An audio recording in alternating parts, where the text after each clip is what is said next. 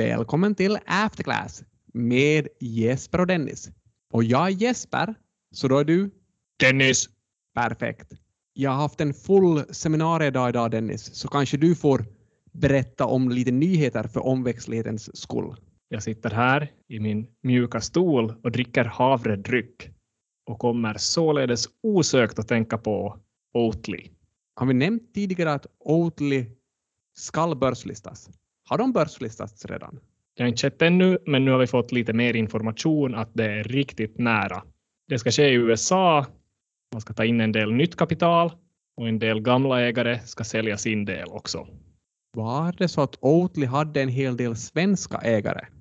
Ja, det är ju ett svenskt företag från början, Malmö-baserat, men eh, de drog in en del pengar också förra sommaren i en finansieringsrunda.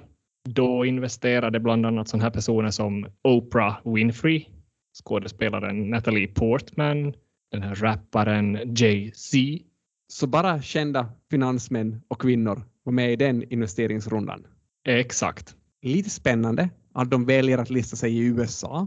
Är det kanske på så sätt att de använder den här listningen som marknadsföring för sina amerikanska kunder? Ja, jag tror nog att de tänker sig att de ska till USA och gräva guld. De levererar redan all havredryck till Starbucks i USA, så de har ju halva inne så att säga. Vi har tidigare pratat om värderingar för de här nya börslistningarna. Har du något sånt i fallet Oatly? Eh, man snackar om 10 miljarder dollar. Kollar man lite på siffrorna så finns det inte så mycket resultat att tillgå. De har till exempel ett rörelseresultat, ett sånt här ebit, på minus 60 miljoner för 2020 och det kom alltså från en försäljning på 421 miljoner dollar.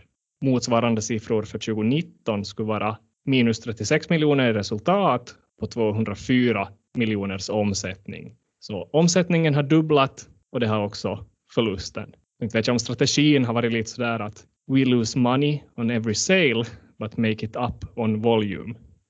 Man tänker vi säljer mera så blir förlusten lite större också. Nej, men skämt åsido, man satsar väl en hel del på marknadsföring bland annat.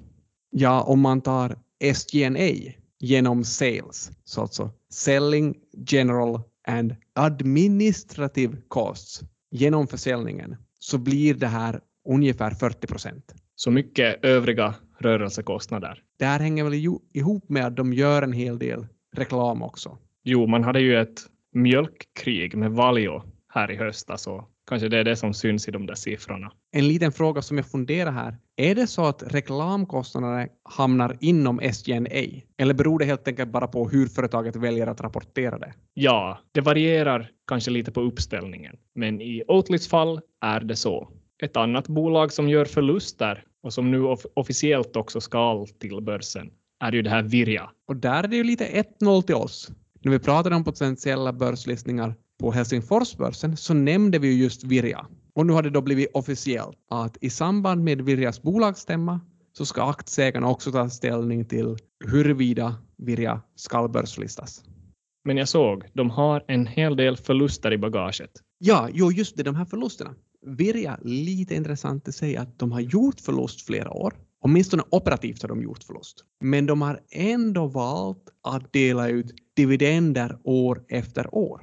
Aktiepriset på den privata marknaden har ju varit där kring 15 till 25 euro de senaste åren och man har delat ut 1,60 2016, 1,45 2017 och nästan 2 euro de tre senaste åren. Jag tycker att det är en ganska intressant tillvägagångssätt att i princip dela ut en massa pengar trots att man går med förlust. Men Virja är ju ett sånt här gammalt telefonbolag så det här kanske bara visar hur mycket gömda värden som finns i de här gamla telefonbolagen. Och efter att ha delat ut de här pengarna så börjar Virja se ut mer och mer som ett börsbolag. Kassan är tom och de gör förlust år efter år. Perfekt. Eh, men kanske inte bara dumt det här med dividenderna, för dividendbeskattningen är ju mer fördelaktig ifall du är ett icke-listat bolag. Så det har kanske varit ett riktigt smart drag att dela ut de här pengarna före man gick till börsen. Och nu kan man ju också peka på en stabil dividendhistorik åt nya aktieägare. De försöker ju också piffa till namnet. Ja, de hette ju Anvia för en tid sedan.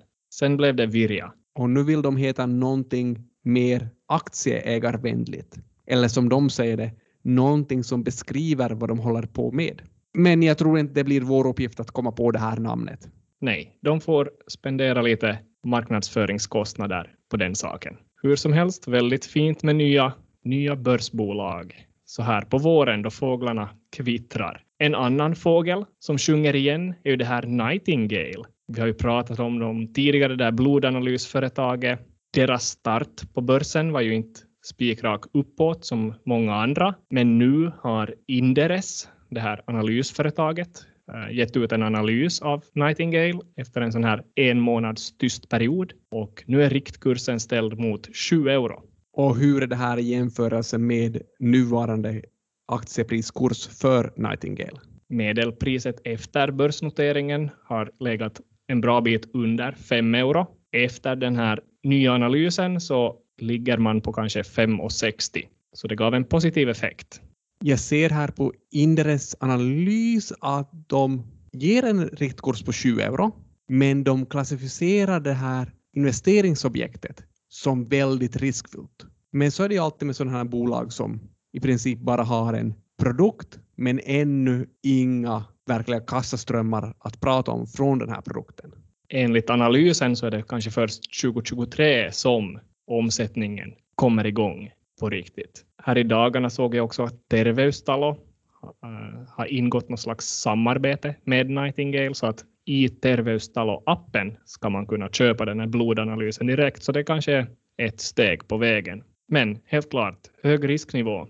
Till viss del är det ju sånt här som börsen gillar, just nu åtminstone. Definitivt. På tal om Inderes och börslistningar så lade ju den där Mikael Rautanen, som är VD för Inderes, ut en sån här tweet att Inderes OUJ. Så han hade alltså bytt ut OY mot OUJ? Ja, han ville alltså bara meddela här att Inderes OY ska bli Inderes OUJ och man kanske också samtidigt säger att vi tar sikte på någon slags börslistning framöver och Inderes vill kanske att den här hela mystiken med att hur svårt det är att börslista sig ska tas bort. De vill ge ett exempel på hur enkelt det kanske kan vara för andra tillväxtföretag att lista sig. Om man vill starta ett aktiebolag för tillfället krävs ju inget aktiekapital, utan det kan vara noll. Hur är det om man vill ta ett aktiebolag till börsen? No, om steg ett är att bli ett publikt bolag, ett sånt här OUJ, så då skulle det vara 80 000 euro som är kravet. Jo förstås, börslistning har ju knappast något krav på aktiekapitalet utan det är det här bytet till OUJ som, som har ett, har medför ett visst krav. Men Inderes då, vad är det egentligen som Inderes gör pengar på? Ja, de ger ju ut sådana här analyser, aktieanalyser i form av ett sådant här dokument som innehåller olika information och så kanske man ger en riktkurs och pratar om risker och så vidare. Privatpersoner får ju också ha ett sånt här premiumkonto, att många av de här analyserna är publikt tillgängliga. Sen kan man köpa ett premiumkonto så att man får tillgång till en massa annan information och en tygkasse ser jag också. De här analysbolagens marknad har ju egentligen växt fram på grund av en reglering på EU-nivå. Så man kallar det här för den här Mifid 2-regleringen. Den här regleringen gjorde det väldigt mycket svårare för investmentbanker att analysera bolag. Egentligen svårare på det sättet att de inte kunde ta betalt för att analysera de här bolagen på samma sätt. Så det som hände egentligen var att de här bankerna slutade, eller drog ner på bevakningen av små och medelstora börsbolag. Och det är just här bolag som Inderes kommer in. För de kan ta betalt av ett bolag och sen göra en analys på bolaget. Exakt. Så i det gamla systemet, före Mifid 2, var man orolig att investeringsbankerna på något sätt också själv drog nytta av den här analysen de gjorde. Så därför ville man att den här analysen separerades från investeringsbankerna. Men det som istället uppstod då var en marknad där bolag, till exempel som Nightingale, betalar ett analysföretag för att göra en analys av just deras bolag. Så en liten sponsrad analys kan man kalla det här alltså. Och det är ganska lätt väl också att se hur det här kan göra att analysen inte kanske är riktigt oberoende. Nej, för att är man alltför negativ, man lägger riktkursen till 4 euro, det ska ta väldigt länge tills försäljningen kommer igång, då kanske man inte får göra så många fler analyser.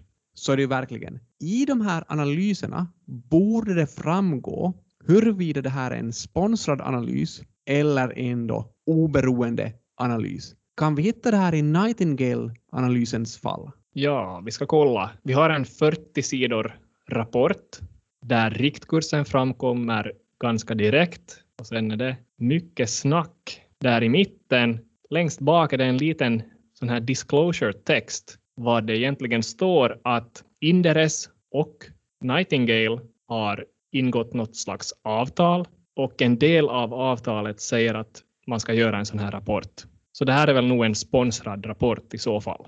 Det här är en sak som inte borde stå längst bak i rapporten. Det borde stå nästan högst upp i rapporten. Det vore kanske bra, för att nu hade man ju då en situation med 5 euro nuvarande kurs och sen sades det att det skulle bli 7 euro och en köprekommendation på det utan kanske desto mer att gå på. Men oss kan ingen köpa. Eller tysta. Så vi fortsätter nästa vecka med nya insikter i After Class.